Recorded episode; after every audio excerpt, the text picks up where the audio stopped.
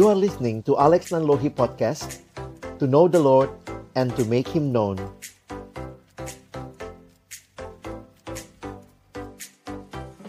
Mari kita berdoa Bapa di dalam surga, kami bersyukur untuk kesempatan menikmati pesta rohani yang Tuhan berikan kepada kami.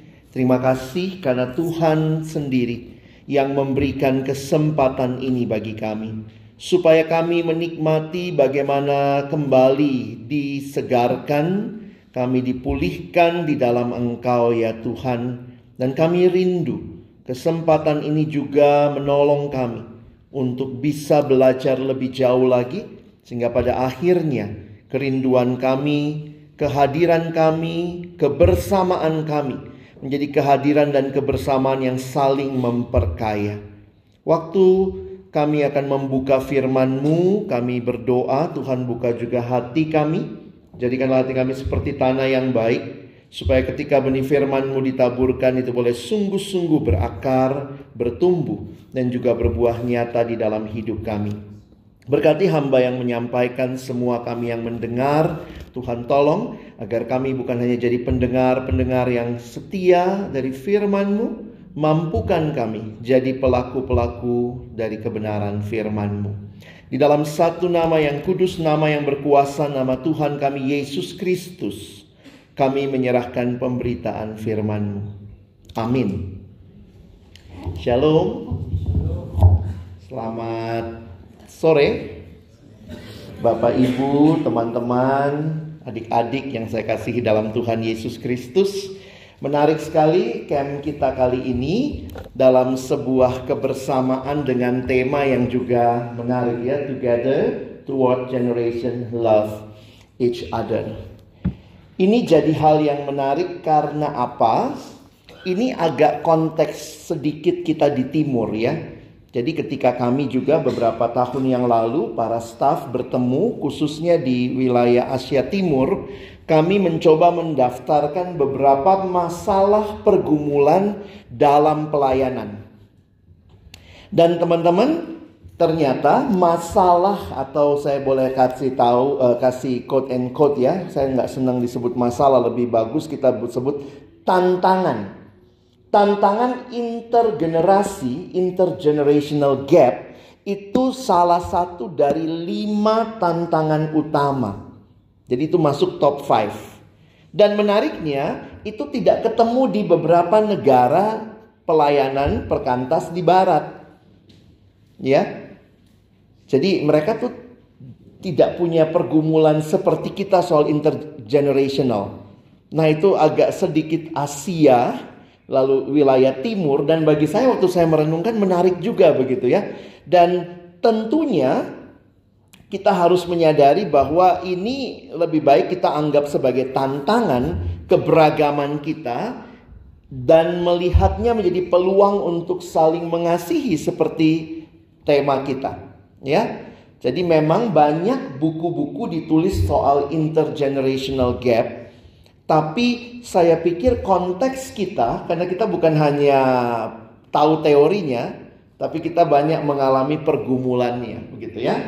Mimbarnya ketinggian lebih tinggi dari saya ya, jadi uh, saya harap kesempatan ini, sesi ini akan menolong memberikan dasar bagi kita dan nanti dasar itulah yang saya harap juga menjadi uh, sebuah kesempatan untuk berinteraksi.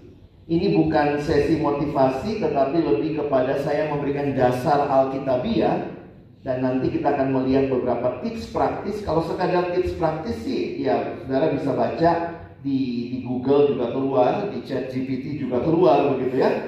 Tapi kita mau lihat apa sih yang Alkitab sampaikan, paling tidak prinsip-prinsip yang penting dan membawa kita menyadari bahwa ini sesuatu yang harusnya kita sikapi dengan benar, ya. Nah, pembagian generasinya sendiri X, Y, Z sampai sekarang ada alpha, nanti ada generasi beta, tergantung pakai buku apa, ya.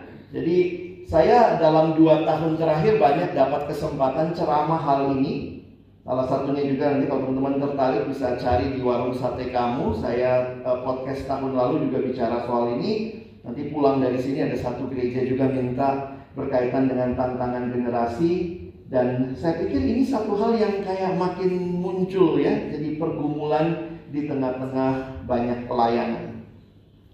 Pembagian yang umum ya tentu ini yang paling umum ya, saya nggak tahu uh, tergantung buku yang teman-teman pakai untuk membagi generasinya.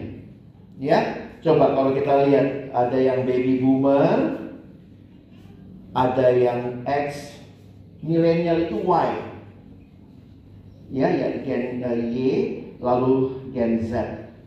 Nanti yang lahir kemudian lagi namanya generasi Alpha. Dan saya pikir kita lagi bicara ini begini, padahal nanti alfa lagi yang masuk pelayanan kita ya. Kami di pelayanan siswa udah siap-siap lagi gitu ya. Generasinya makin ber berbeda lagi. Saya boleh tahu siapa yang Gen Z di sini yang lahirnya boleh Gen Z angkat tangan? Oke ya. Jangan ngaku-ngaku ya. Udah tua ngaku lagi. Oke, okay, thank you. Uh, yang milenial 80 sampai 94. Oke okay, ya. Thank you. Yang Gen X.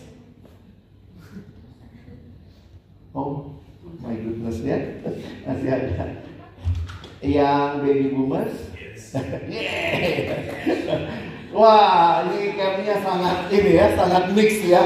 Puji Tuhan ya, jadi semua generasi ini uh, ada dan terwakili jadi memang kalau nanti ada kesempatan karena ini split tracks ya. ya nanti eh, Bapak Ibu teman-teman akan langsung masuk di tracknya masing-masing. Tapi nanti di bagian akhir saya harap kita bisa saling memberi masukan kali ya. Jadi nanti uh, bisa dipikirkan bagaimana uh, berkomunikasi dengan baik dari antar generasi ini. Nah, kalau lihat seperti ini, beberapa orang tidak setuju pembagian ini. Saya pribadi waktu merenungkan juga akhirnya juga harus mempertanyakan pembagian ini. Apa orang itu dikategorikan berdasarkan lahirnya? Terlalu simplisistik. Sehingga banyak sekali pendekatan yang kalau kita pahami ini hanya salah satu pendekatan. Jadi saya harap kita juga tidak menjadikan ini satu-satunya pendekatan. Bisa menolong pastinya bisa. Karena bagi kita di pelayanan kita banyak bicarakan ini. Tetapi juga ada beberapa teori lain yang tidak mengelompokkan berdasarkan generasi seperti ini. Tapi ini valid, banyak penelitian sudah dilakukan. Jadi jangan kita kemudian merasa ini satu-satunya atau kita buang sama sekali. Saya pikir justru kita punya hikmat untuk menggunakan apa yang jadi pembagian ini. Nah waktu saya renungkan, pikirkan sama-sama, apa sih persamaannya semua ini? Kita sama-sama manusia ya. Benar? Ada yang merasa, wah itu baby boomers tuh, ini bukan orang tuh. Apalagi baby boomersnya suka ngomong, iya anak saya sudah hari ini baru jadi orang dia. Eh, artinya monyet. ya anak saya sekarang udah jadi orang. Jadi kadang-kadang kita sendiri bisa jadi melihat antar generasi dengan cara pandang dan kacamata kita masing-masing. Allah adalah Allah yang menciptakan manusia. Dan Allah yang menciptakan manusia, Allah yang menciptakan manusia dalam relasi yang indah satu sama lain. Perhatikan kejadian pasal yang kedua ayat yang ke-18. Kita baca sama-sama ayat ini ya. Satu dua ya. Tuhan Allah berfirman, tidak baik kalau manusia itu seorang diri saja. Aku akan menjadikan penolong baginya yang ini pertama kali di Alkitab kita, setelah Allah mencipta dia katakan baik, baik, baik, sungguh amat baik. Maka pertama kali di Alkitab kita muncul kata tidak baik di mana? Kejadian dua ini. Tidak baik kalau manusia itu seorang diri saja. Aku akan menjadikan penolong baginya yang sepadan dengan dia. Ayat ini bukan soal pacaran ya. Ada siswa datang, iya kak saya setelah memenuhi kejadian 2.18 gitu ya. Baru juga pacaran gitu ya. Ayat ini bicara kemanusiaan secara umum. Manusia makhluk sosial bukan hanya teori sosiologi. Tapi itu adalah hakikat manusia yang diciptakan Allah. Tidak ada bayi yang lahir langsung bisa beli susu sendiri. Kalau ada yang jual susu yang lari. Nggak ada. Kita butuh manusia lain. manusia membutuhkan manusia lain. Dan yang menarik, karena Allah menciptakan manusia lain bersama dengan kita, maka pendeta John Stott katakan kalimat ini. Sebagaimana ikan dibuat untuk air, umat manusia dibuat untuk kasih. Maka prinsip dasar yang Tuhan Yesus sampaikan untuk mengasihi Allah dan mengasihi sesama kita. Semua yang lahir akan lahir di dalam sebuah keluarga. Ini yang paling dasar lah ya. Jadi sebenarnya kalau kita mau bicara tentang relasi intergenerasi, saya melihat justru keluarga adalah contoh relasi intergenerasi.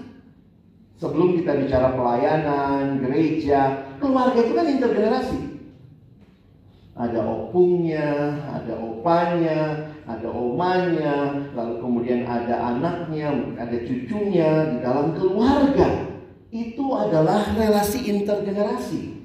Jadi kalau pelayanan mengalami masalah intergenerasi, saya cuma mau garis bawahi jangan-jangan banyak keluarga krisis relasi intergenerasi. Kan itu cuma cerminan. Gereja itu kumpulan dari keluarga-keluarga. Yang kadang-kadang kita bilang, aduh susah banget sih anak sekarang. Dalam hati, hmm, anakmu di rumah bagaimana? Orang tuamu di rumah seperti apa? Jadi hati-hati dengan berbagai stereotyping yang sebenarnya dasarnya ya jangan-jangan di dalam keluarga ya. Ini jadi hal yang menarik. Sehingga pemulihan relasi intergenerasi bukan hanya tugas pelayanan mahasiswa, pelayanan alumni, pelayanan siswa, tapi adalah tugas keluarga, gereja, kita semua. Ya, jangan disubkon gitu ya. Kadang-kadang kan suka disubkon gitu ya uh, anak nanti pokoknya kau ke gereja lah. Lalu nanti kalau anaknya nggak benar, lalu orang tuanya ngomong, iya apa nih anak saya tiap minggu ke gereja tapi nggak benar juga kelakuannya. Jadi seolah-olah bagian untuk itu, itu bagian gereja. Nah, kalau Kristen itu selalu segitiganya itu ya, gereja, keluarga, dan sekolah. Makanya saya pikir ini jadi bagian yang menarik. Kita di pelayanan siswa membackup sekolahnya. Tapi kemudian ada bagian gereja yang harusnya berelasi dan juga ada bagian keluarga. Makanya sekolah-sekolah yang sudah mengerti memanggil orang tua.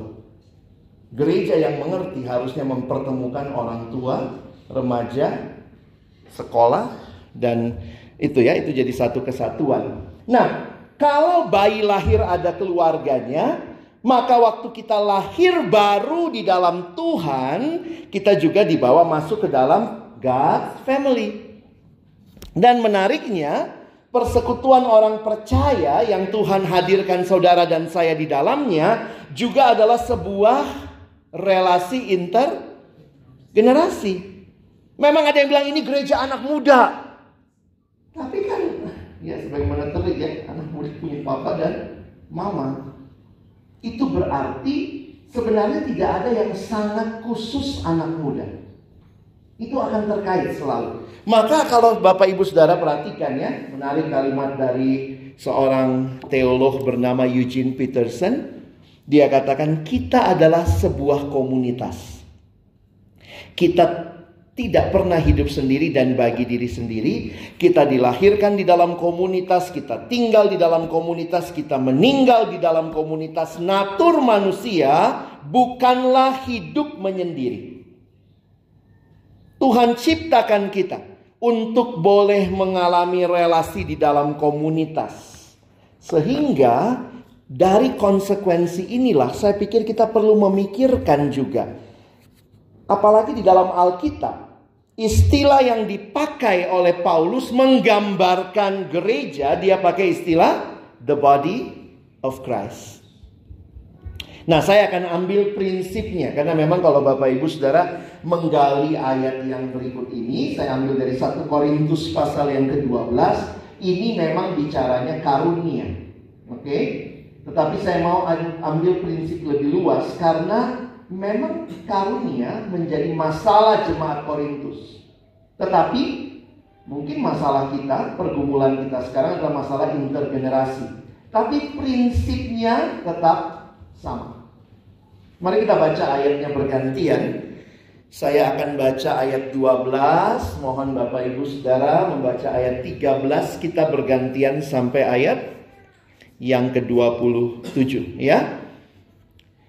Karena sama seperti tubuh itu satu dan anggota-anggotanya banyak dan segala anggota itu sekalipun banyak merupakan satu tubuh demikian pula Kristus.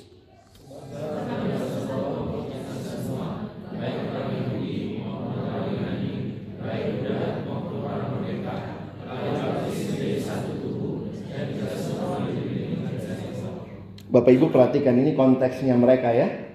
Mungkin mereka waktu itu ada masalah kesatuan antara suku atau antara bangsa Yahudi non Yahudi. Lalu di dalam jemaat waktu itu ada masalah antara budak ataupun orang merdeka. Ada yang punya karunia ini, ada yang punya karunia itu. Makanya saya katakan kalau kita menambahkan di sini ada yang tua, ada yang muda, secara prinsip masih masuk. Ya, 14. Karena tubuh juga tidak terdiri dari satu anggota, tetapi atas banyak anggota. Silakan.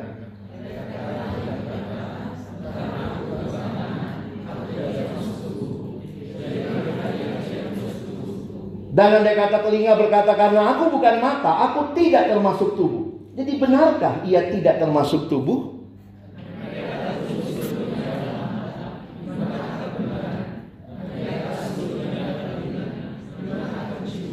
Tetapi Allah telah memberikan kepada anggota masing-masing secara khusus suatu tempat pada tubuh seperti yang dikehendakinya.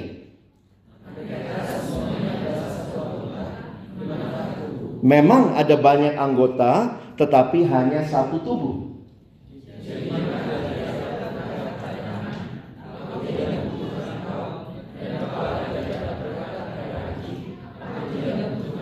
Malahan justru anggota-anggota tubuh yang nampaknya paling lemah yang paling dibutuhkan.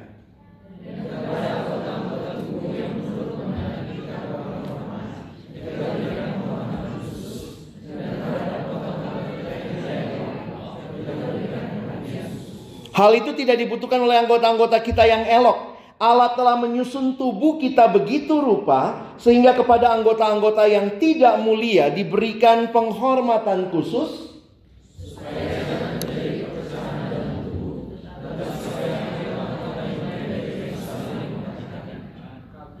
Karena itu jika satu anggota menderita, semua anggota turut menderita. Jika satu anggota dihormati, semua anggota turut bersuka cita.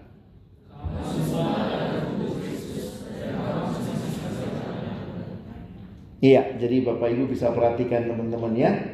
Jangan terjadi supaya jangan terjadi perpecahan. Ini satu potensi dalam keberagaman. Apa pun keberagaman itu.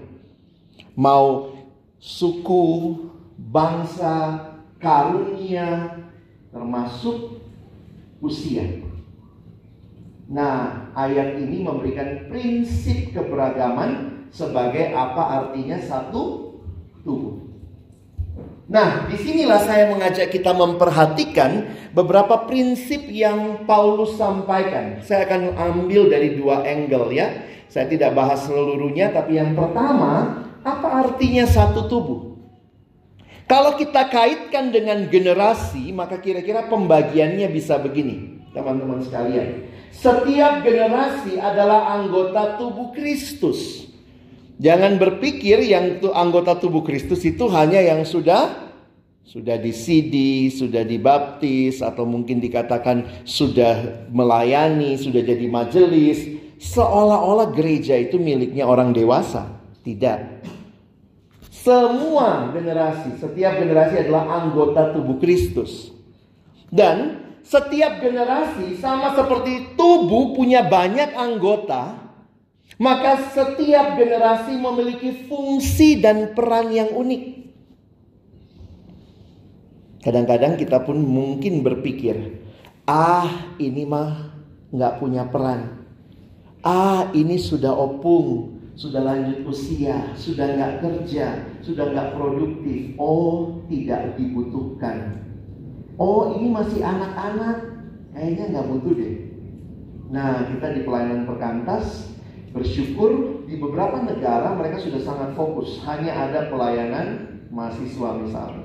Tapi di kita kan masih kita pertahankannya SMA. Siswa, mahasiswa, alumni. Nah, waktu kumpul ada juga kemungkinan perpecahan. Karena keberagaman kita. SMA kan siswa mahasiswa alumni. Nah, lalu perhatikan kita dipanggil untuk saling mengasihi dan melengkapi. Nah, hari ini saya mau angkat lebih jauh lagi bagaimana berjuang menjadi satu tubuh.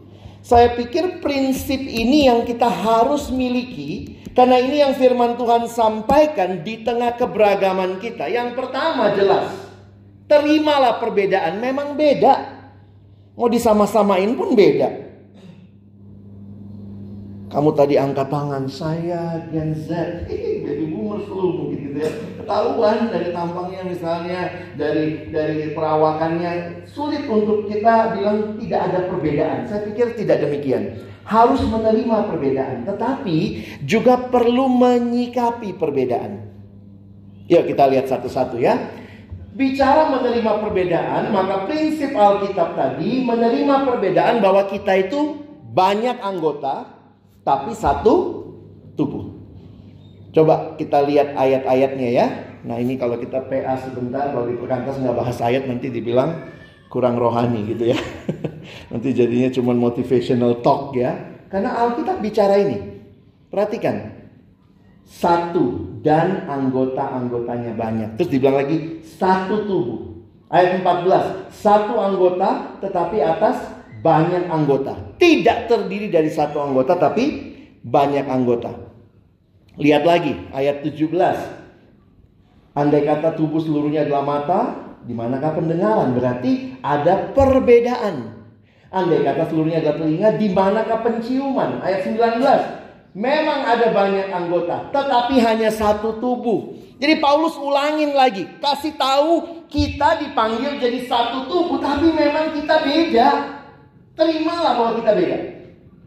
Beda generasi, beda zaman, tahun lahirnya beda. Nah itu makanya saya bilang tadi ya, baru generasinya beda, belum lagi suku, kebiasaan kita beda. Belum lagi beda, beda karakter. Nah, itu ya kalau karakter itu juga mau dia lahir mau baby boomers atau apa, ada yang pemarah ya pemarah aja gitu kan. Sehingga itu bukan masalah generasi. Jadi ada banyak terkait di dalamnya. Lalu karena itu lihat ayat 27 ya. Jadi saya skim ayat-ayatnya, lihat sama-sama kita baca lagi ya. Satu dua ya. Kamu semua adalah tubuh Kristus dan kamu masing-masing jadi inilah realita yang Paulus sampaikan kita itu adalah tubuh Kristus dan kita masing-masing anggotanya. Dan yang mempersatukan kita bukan usia. Kalau usia memang ya kita harus katakan pelayanan kita itu mensegmen usia. Perkantas ya siswa, mahasiswa, alumni. Kalau ada orang terlalu tua ada di pelayanan siswa, siswanya juga mungkin takut. Ya? Atau dia mesti punya peran yang tepat. Saya kalau ke siswa sekarang sudah dipanggil om. Bentar lagi dipanggil opa. Gitu ya. Sehingga saya harus bisa menempatkan diri di pelayanan siswa. Realitanya memang kita segmented. Tapi itu bukan berarti kita terlepas dari satu tubuh. Segmented itu berguna untuk mengefektifkan pelayanan, tapi bukan membuat kita terpecah. Di gereja juga begitu kan?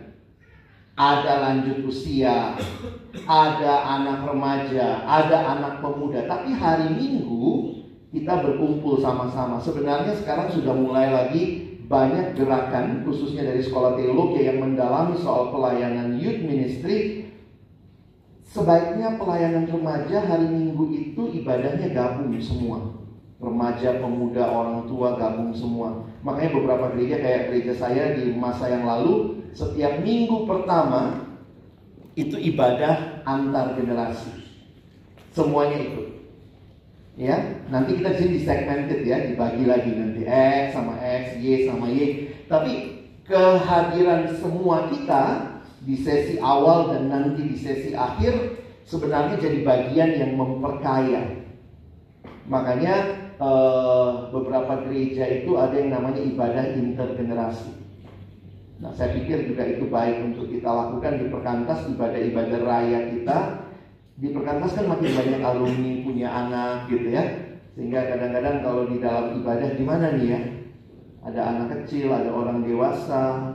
Saya pikir ya itulah nikmati ibadah intergenerasi nanti bagian-bagian kita segmented misalnya ini KTB-nya dibuat per usia, per profesi, per pergumulan tidak meniadakan kita bagian dari sebuah kesatuan yaitu tubuh Kristus. Yang mempersatukan kita adalah kita satu roh. Dalam satu roh kita semua. Jadi satu roh Kristus yang mempersatukan kita.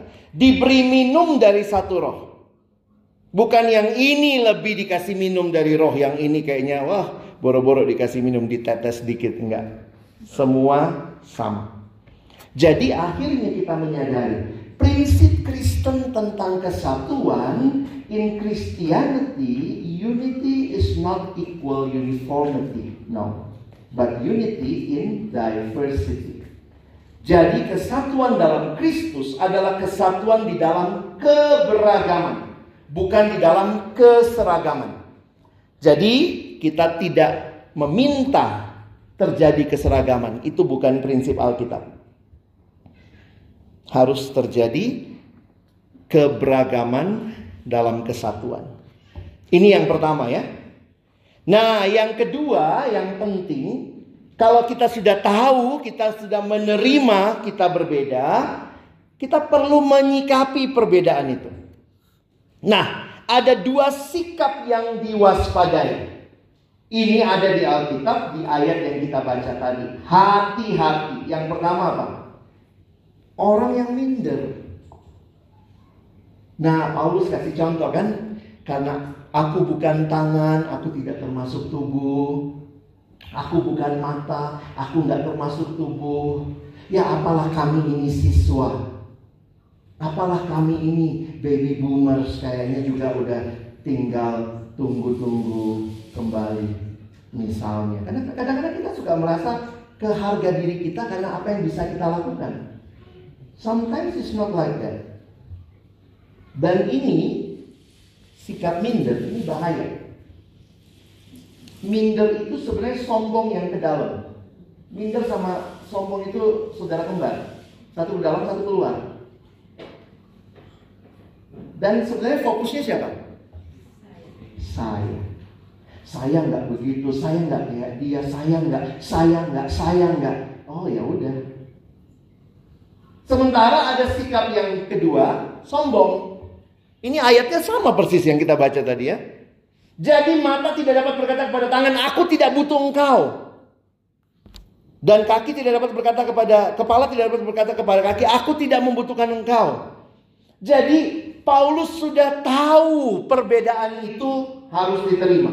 Tetapi Paulus kasih tahu mereka ingat waspadai bahwa di dalam perbedaan itu ada yang mungkin minder, ada yang mungkin sombong. Maka tema camp kita itulah yang menjadi nasihat Paulus sebenarnya. Bagaimana menyikapi perbedaan yang sudah kita terima ini? Maka Paulus ingatkan sikap yang seharusnya Allah telah memberikan kepada mas, kepada anggota masing-masing di dalam tubuh secara khusus ya. Maka ini saling memperhatikan. Atau bahasa kita saling mengasihi. Tentu kasih itu lahir dari perhatian ya. Kita mengasihi, kita memperhatikan. Karena jika satu anggota menderita, semua anggota turut menderita. Jika satu anggota dihormati, semua anggota turut bersuka cita. Simple prinsip Alkitab. Perbedaan itu ada. Jangan bilang tidak ada. Tapi perbedaan itu bukan berarti kita tidak satu. Kita satu. Tapi waktu kita berjuang dalam kesatuan, sering kali kita harus melihat dua potensi yang bisa menjatuhkan kita jadi minder, kita jadi sombong. Lalu bagaimana? Kita harusnya saling memperhatikan. Itu sikap yang benar. Kita harus saling mengasihi. Termasuk antar generasi. Hati-hati dengan labeling. Kolot gitu ya. Karena kita langsung pikir kolot. Wah ini nggak mau berubah. Anak sekarang nggak tahu aturan. Akhirnya yang terjadi adalah nggak nyambung. Karena semua sudah punya stigma terhadap generasi lainnya. Ini nasihat firman Tuhan. Ini bukan nasihat mata naswa ya, bukan nasihat dari uh, saya sebagai komunikator, saya sering bawa seminar keluarga, bukan. Ini nasihat firman Tuhan, pakai ini. Mau survive, pakai prinsip ini. Maka saudara, prinsip yang saya simpulkan dari satu buku, dia bilang gini, tubuh Kristus membutuhkan kita. Tapi pada saat yang sama kita membutuhkan tubuh Kristus. Ya. Tubuh Kristus membutuhkan kita dan kita juga membutuhkan tubuh Kristus. Itulah prinsip yang harus kita jalani dalam kesatuan. Prinsip yang mudah ya. Gampang ya. Dilakukannya sulit. Bukan cuma sulit, bahasa Inggrisnya sulai. Saking susah. Karena itulah pergumulan yang sama. Apa itu? Baik generasi baby boomers, X, Y, Z. Semua sama-sama manusia, tapi semua sudah jatuh dalam dosa. Saya nggak ngerti nih generasi ini. Yang satu, saya nggak ngerti generasi ini. Tapi waktu ngomong dosa, samanya kita. Harusnya kita bergandengan tangan ya, karena realitanya kita semua butuh penebusan Kristus.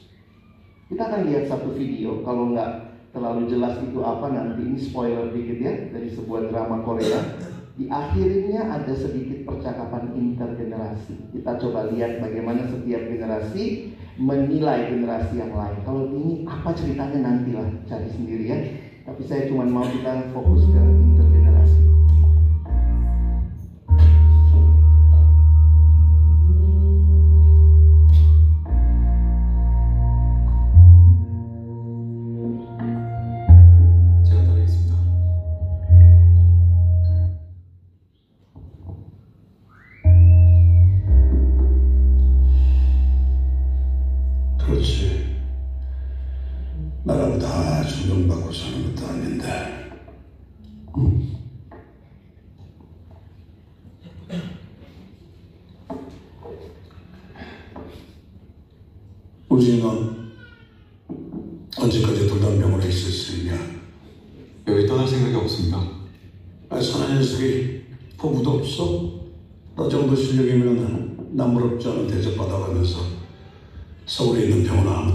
Jerusalem.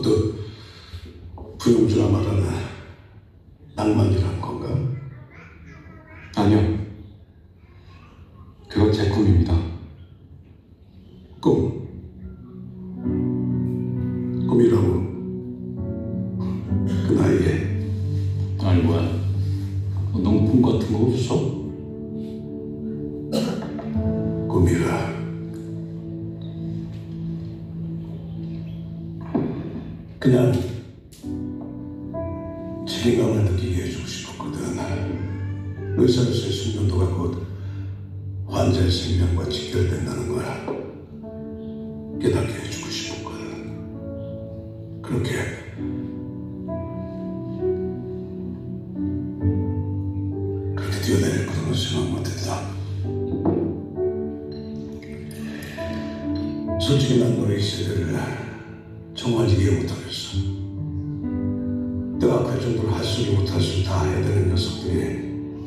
책임질 때는 왜 이렇게 쉽게 무너지는 건지. 약해 빠져가지고 뭐가 이렇게 까다롭고 요구사항들이 많은지. 노력도 안 하면서 성과는 바라고 열심히도 안 하면서 뭐만 좀 시키면 힘들다고 아우성이고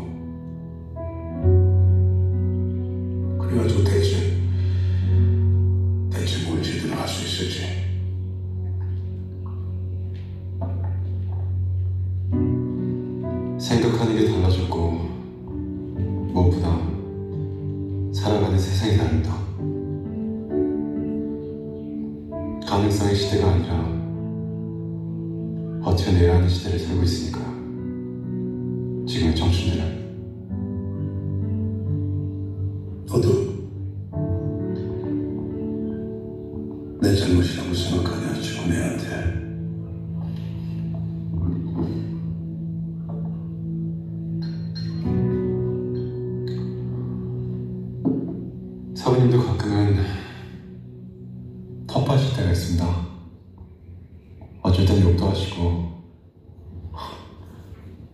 마음에 안 드시면 소리도 지르시고요. 근데 어떤 상황에서도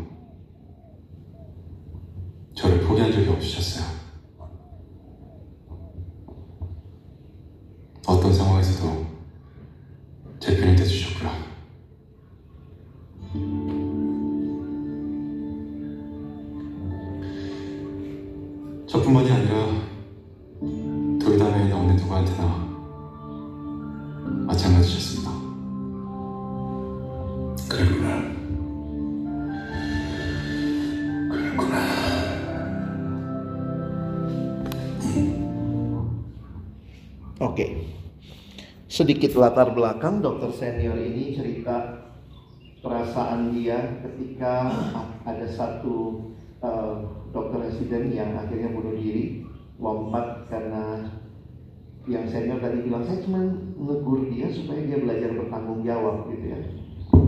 Nah, lalu kemudian tadi yang Master Kim yang sempat kelihatan sebentar, anak muda ini bilang, Dokter Kim temannya dokter senior tadi, dokter Kim itu mau berjalan bersama kami. Dia tidak menyerah. Dokter Kim itu dari generasi yang sama.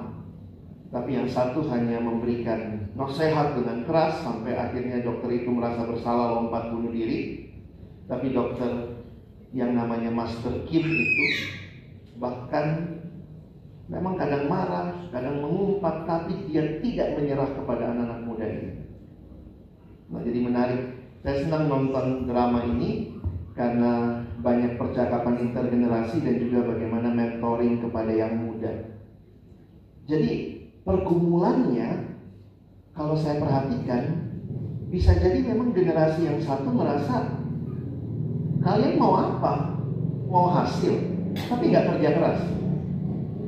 Tapi ada orang seperti Dr. Kim yang berjalan dengan anak-anak muda memaksa mendorong mereka sehingga tidak berdiri jauh dari mereka tapi berjalan bersama mereka. Nah ini prinsip yang menarik sebenarnya untuk kita melihat intergenerasi. Ya, saya lanjutkan sedikit.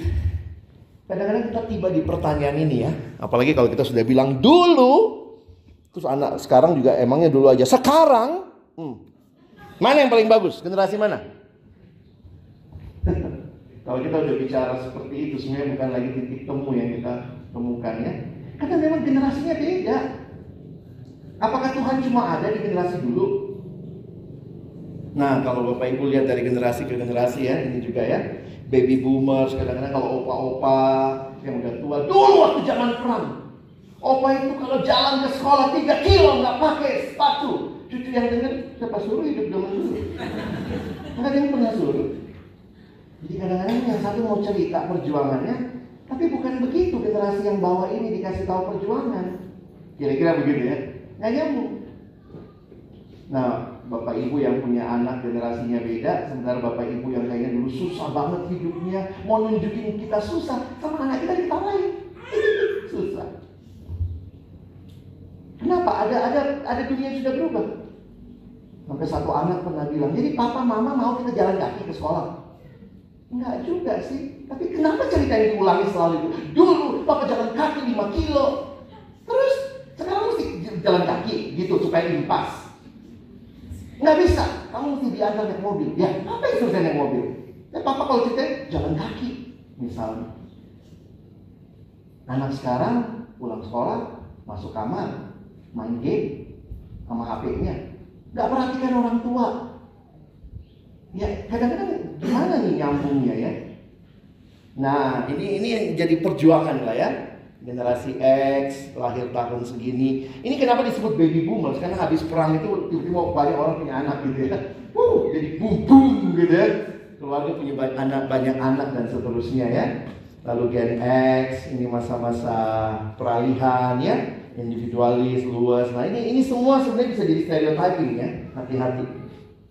Generasi Z, Alpha nanti.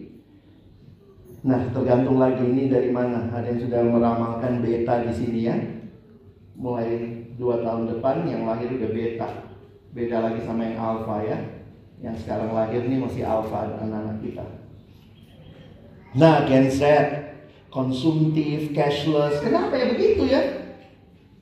Sampai ada waktu itu yang jalan ya, ya saya ya, saya jalan sama satu anak uh, adik staff, dia nggak punya duit sama sekali loh di dompet. Dan buat saya kalau zaman generasi saya, lu nggak bawa duit dikit pun enggak kan? Kan ada ada handphone. Semua duitnya ada di handphone. Nanti bisa curious. Terus ya saya kan generasi X ya. Kalau handphone lu mati, jadi saya saya punya ketakutan, saya nggak pernah bisa jalan tanpa bawa duit. Duitnya itu mesti ada bentuk fisiknya, itu namanya duit. Gitu ya. Jadi walaupun ada cash di dalam kartu, tapi jadi kadang-kadang untuk memandang hidup aja udah beda gitu. Apa yang namanya perjuangan? Yang mana yang dibilang perjuangan? Buat mereka perjuangan bagaimana bisa ngehack website tertentu gitu ya, itu perjuangan gitu. Gimana bisa pakai VPN, bisa buka blokir gitu kan ya Nah ini Gen Y sudah lebih ya. Ini ini kan semua gambarannya. Ini empat gaya generasi atur keuangan. Jadi kita juga harus bisa memahami ya. Makanya beberapa pasar juga di Jakarta sekarang pakai QRIS bayar. Ya ya beli kangkung. QRIS gitu ya. Nah ini kita bisa memahami ya ke sana lah arah masyarakat bergerak dan mungkin generasi berikutnya ya begitu pola hidupnya begitu ya. Terima cash juga sih tapi udah begitu. Generasi di tempat kerja, nah ini beda-beda nih. Ini optimistik, enjoy mentoring, strong work ethic, ketemu X, independent, inovatif, strong communicators, ketemu yang tech savvy, sehingga masuk kerja 9 sampai 5 buat beberapa anak generasi sekarang itu ngapain? Apalagi kalau bisa kerja di rumah. Kan yang penting kerjaan selesai. Sementara orang yang tua pengen mesti lihat tuh ada di bangkunya duduk di situ. Walaupun kerjanya nggak selesai nggak apa-apa, tapi asal kantor rame. Senang gitu ya. Itu cara cara berpikir aja tentang kantor seperti itu. Ya, nanti nggak tahu lagi anak-anak kita bagaimana. Makanya beberapa kantor kita juga zaman dulu ya kalau bikin ya, di Jakarta tuh banyak kantor-kantornya gede. Sekarang kantornya kosong. Waktu masa pandemi banyak yang jual space-nya. Kenapa? Ngapain punya kantor besar? Cost-nya tinggi, untuk maintenance banyak. Nah itu juga sempat saya tanya gitu ya, hati-hati juga kalau perkantas di mana-mana bangun rumah persekutuan terus kosong. Karena anak-anaknya lebih suka online. Jadi ada perubahan nggak? Oh kalau di kota kami kak masih nggak masalah karena dekat. Oh iya, tapi kami di Jakarta nih mau bangun rumah persekutuan empat lantai. Tempat kumpulnya siapa nanti? Tikus. Takut saya. Sekian loh dananya. Jadi poinnya adalah kita harus menemukan bagaimana penggunaan kantor yang baik. Karena kalau tidak, kita berharap orang dari mana-mana Jakarta yang macetnya luar biasa, polusinya mana-mana, terus kita berharap orang ngumpul di sekretariat. Mungkin udah bukan begitu polanya untuk kota-kota tertentu. Jadi pertanyaan generasi mana yang terbaik? Hati-hati Bapak Ibu Saudara ya. Saya mungkin tutup dengan beberapa hal yang saya ingatkan. Ini bahaya kesombongan sama ini bahaya dosa ini ya. Merasa generasi kita yang terbaik. Ingat kita saling membutuhkan. Tua muda ya. Tadi juga disinggung ya. Older generation have wisdom. Young generation have passion and information. Dan bayangkan kalau ini kolaborasi, we need each other. Anak sekarang belum kerja, tapi maunya HP paling mahal. Papa mamanya bisa beli HP paling mahal, tapi nggak tahu cara pakainya. Makanya begitu habis beli, tolong dulu nak di setting ini. Kok nggak tahu mama tadi di gereja bunyi sendiri? Ya bukan bunyi sendiri, mak. gitu. Tiba-tiba bunyi gitu ya. Jadi ini unik ya generasi ini. Dan di pelayanan kita menemukan hal-hal seperti ini juga.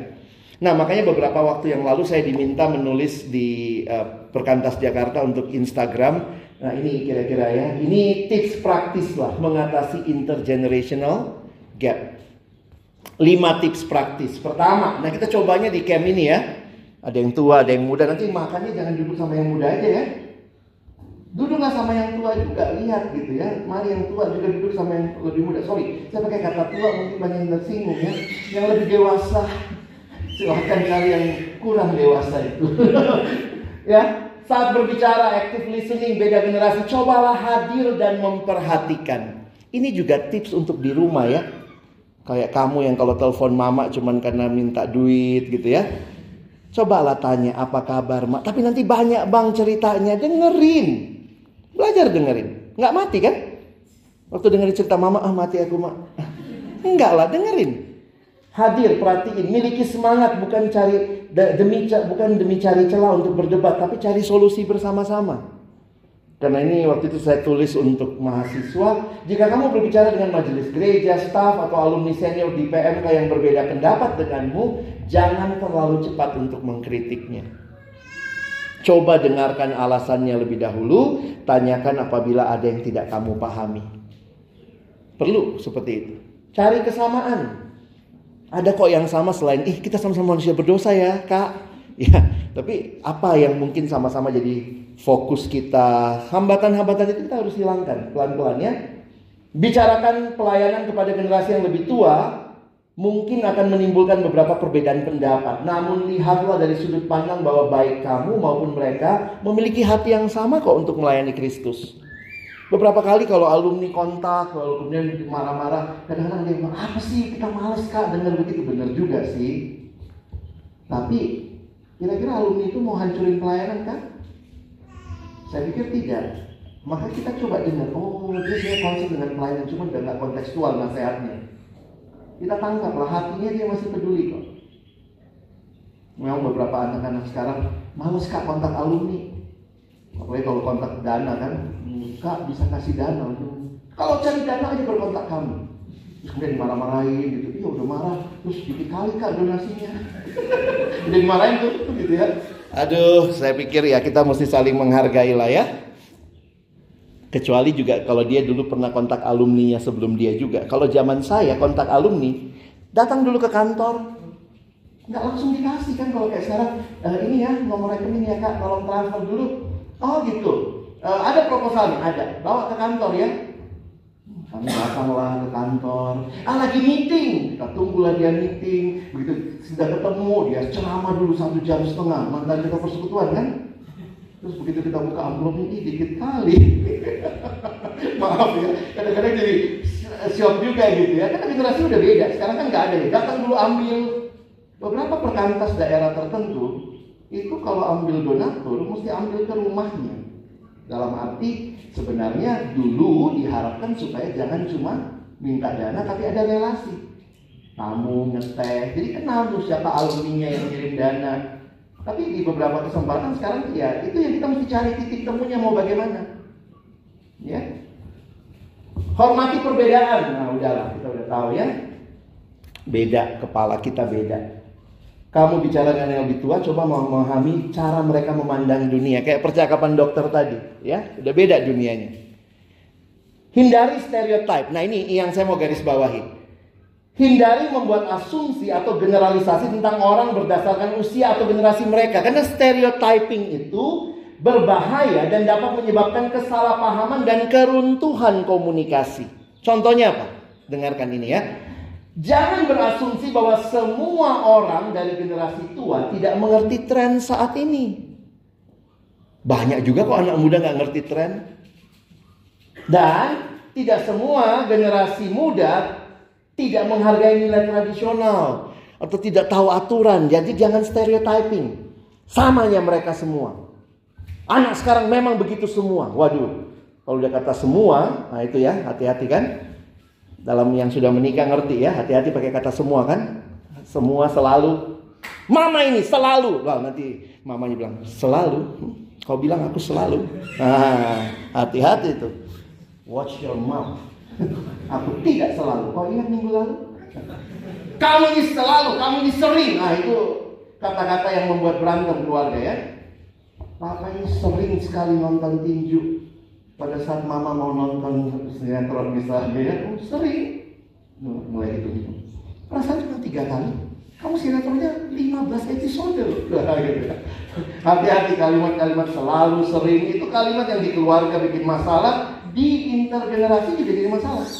Anak sekarang itu semua sama selalu. Hati-hati, tidak jangan serotasi. Terakhir, kalau semua udah dicoba masih belum bisa nyambung, sabar, ya, sabar. Tuhan Yesus suatu melayani nggak semua orang setuju dengan dia. Ya teladani aja Yesus ya. Kadang-kadang kita punya pendapat begini, yang sana punya pendapat begitu. Makanya kalimat saya gini, membangun hubungan lintas batas generasi dapat memakan waktu dan usaha. Tidak perlu frustasi kalau belum berhasil. Aduh kak, dia harus berubah. Tunggulah, sabar. Gak apa-apa kok belum berubah. Mana tahu Tuhan jawab doa saudara justru. Ada yang satu pernah datang sama saya, Kak Alex, saya paling benci sama kakak itu. Di mana sih kak? Bilang, kau pernah doa, minta kesabaran. Pernah karena ini jawabannya. Dikasih menghadapi orang yang bikin kau tidak sabaran. Kau pernah doa minta kasih? Pernah kan? Ini jawabannya ketika Tuhan izinkan kau berhadapan dengan orang yang sulit dikasih. Kadang-kadang memang mungkin yang Tuhan lagi bentuk bukan orang itu. Jangan selalu saya nggak suka sama dia, saya minta dia berubah. Kalau dia nggak berubah, saya keluar dari pelayanan lah. Nah, bisa saudara. Sama kayak keluarga ya. Ada yang nggak suka sama orang tuanya, tapi kita nggak bisa buang kan? Saya nggak suka mamaku, buang lagi. Nggak bisa. Maka belajar untuk saya yang berubah. Kalau dia belum berubah, puji Tuhan kalau dia berubah, saya berubah ketemu di tengah. Haleluya dalam Yesus kita bersaudara.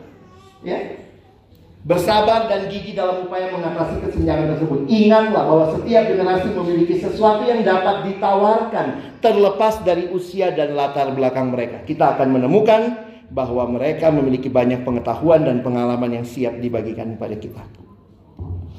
Nah, teman-teman, saya buka camp kita. Nanti kita masuk di tracks masing-masing. Tapi kiranya kita punya pemahaman dasar firman Tuhan dan dari pemahaman inilah perjuangan kita dimulai untuk terus membangun kesatuan tubuh Kristus. Amin. Mari berdoa. Tuhan terima kasih buat firman-Mu, setiap kebenaran yang menyegarkan hati kami, di tengah-tengah kami juga ada di dalam keluarga, di dalam pelayanan yang berbeda generasi satu sama lain berkumpul menjadi satu. Kami tahu ini bukan sekadar perjuangan berkomunikasi, beretika, tetapi bagaimana perjuangan kami semua di dalam Kristus membangun hidup yang akan bisa membangun satu sama lain. Ampuni kami yang dalam dosa menganggap diri kami lebih baik, menganggap generasi kami lebih baik, menganggap cara kami lebih baik. Tapi kiranya di dalam anugerahmu engkau menolong kami membuka pikiran kami untuk melihat bahwa Tuhan pun mengasihi semua generasi. Dan karena itulah kami diminta untuk terus boleh mengalami sebuah pembentukan yang di dalamnya kami pun boleh membangun satu dengan yang lain. Sekali lagi kami bersyukur, tolong sesi-sesi yang akan makin menajamkan kami, menolong kami, dan pada akhirnya bagi Tuhanlah segala kemuliaan ketika kami bersatu di dalam keberagaman ini. Kami bersyukur di dalam nama Yesus kami sudah berdoa. Amin.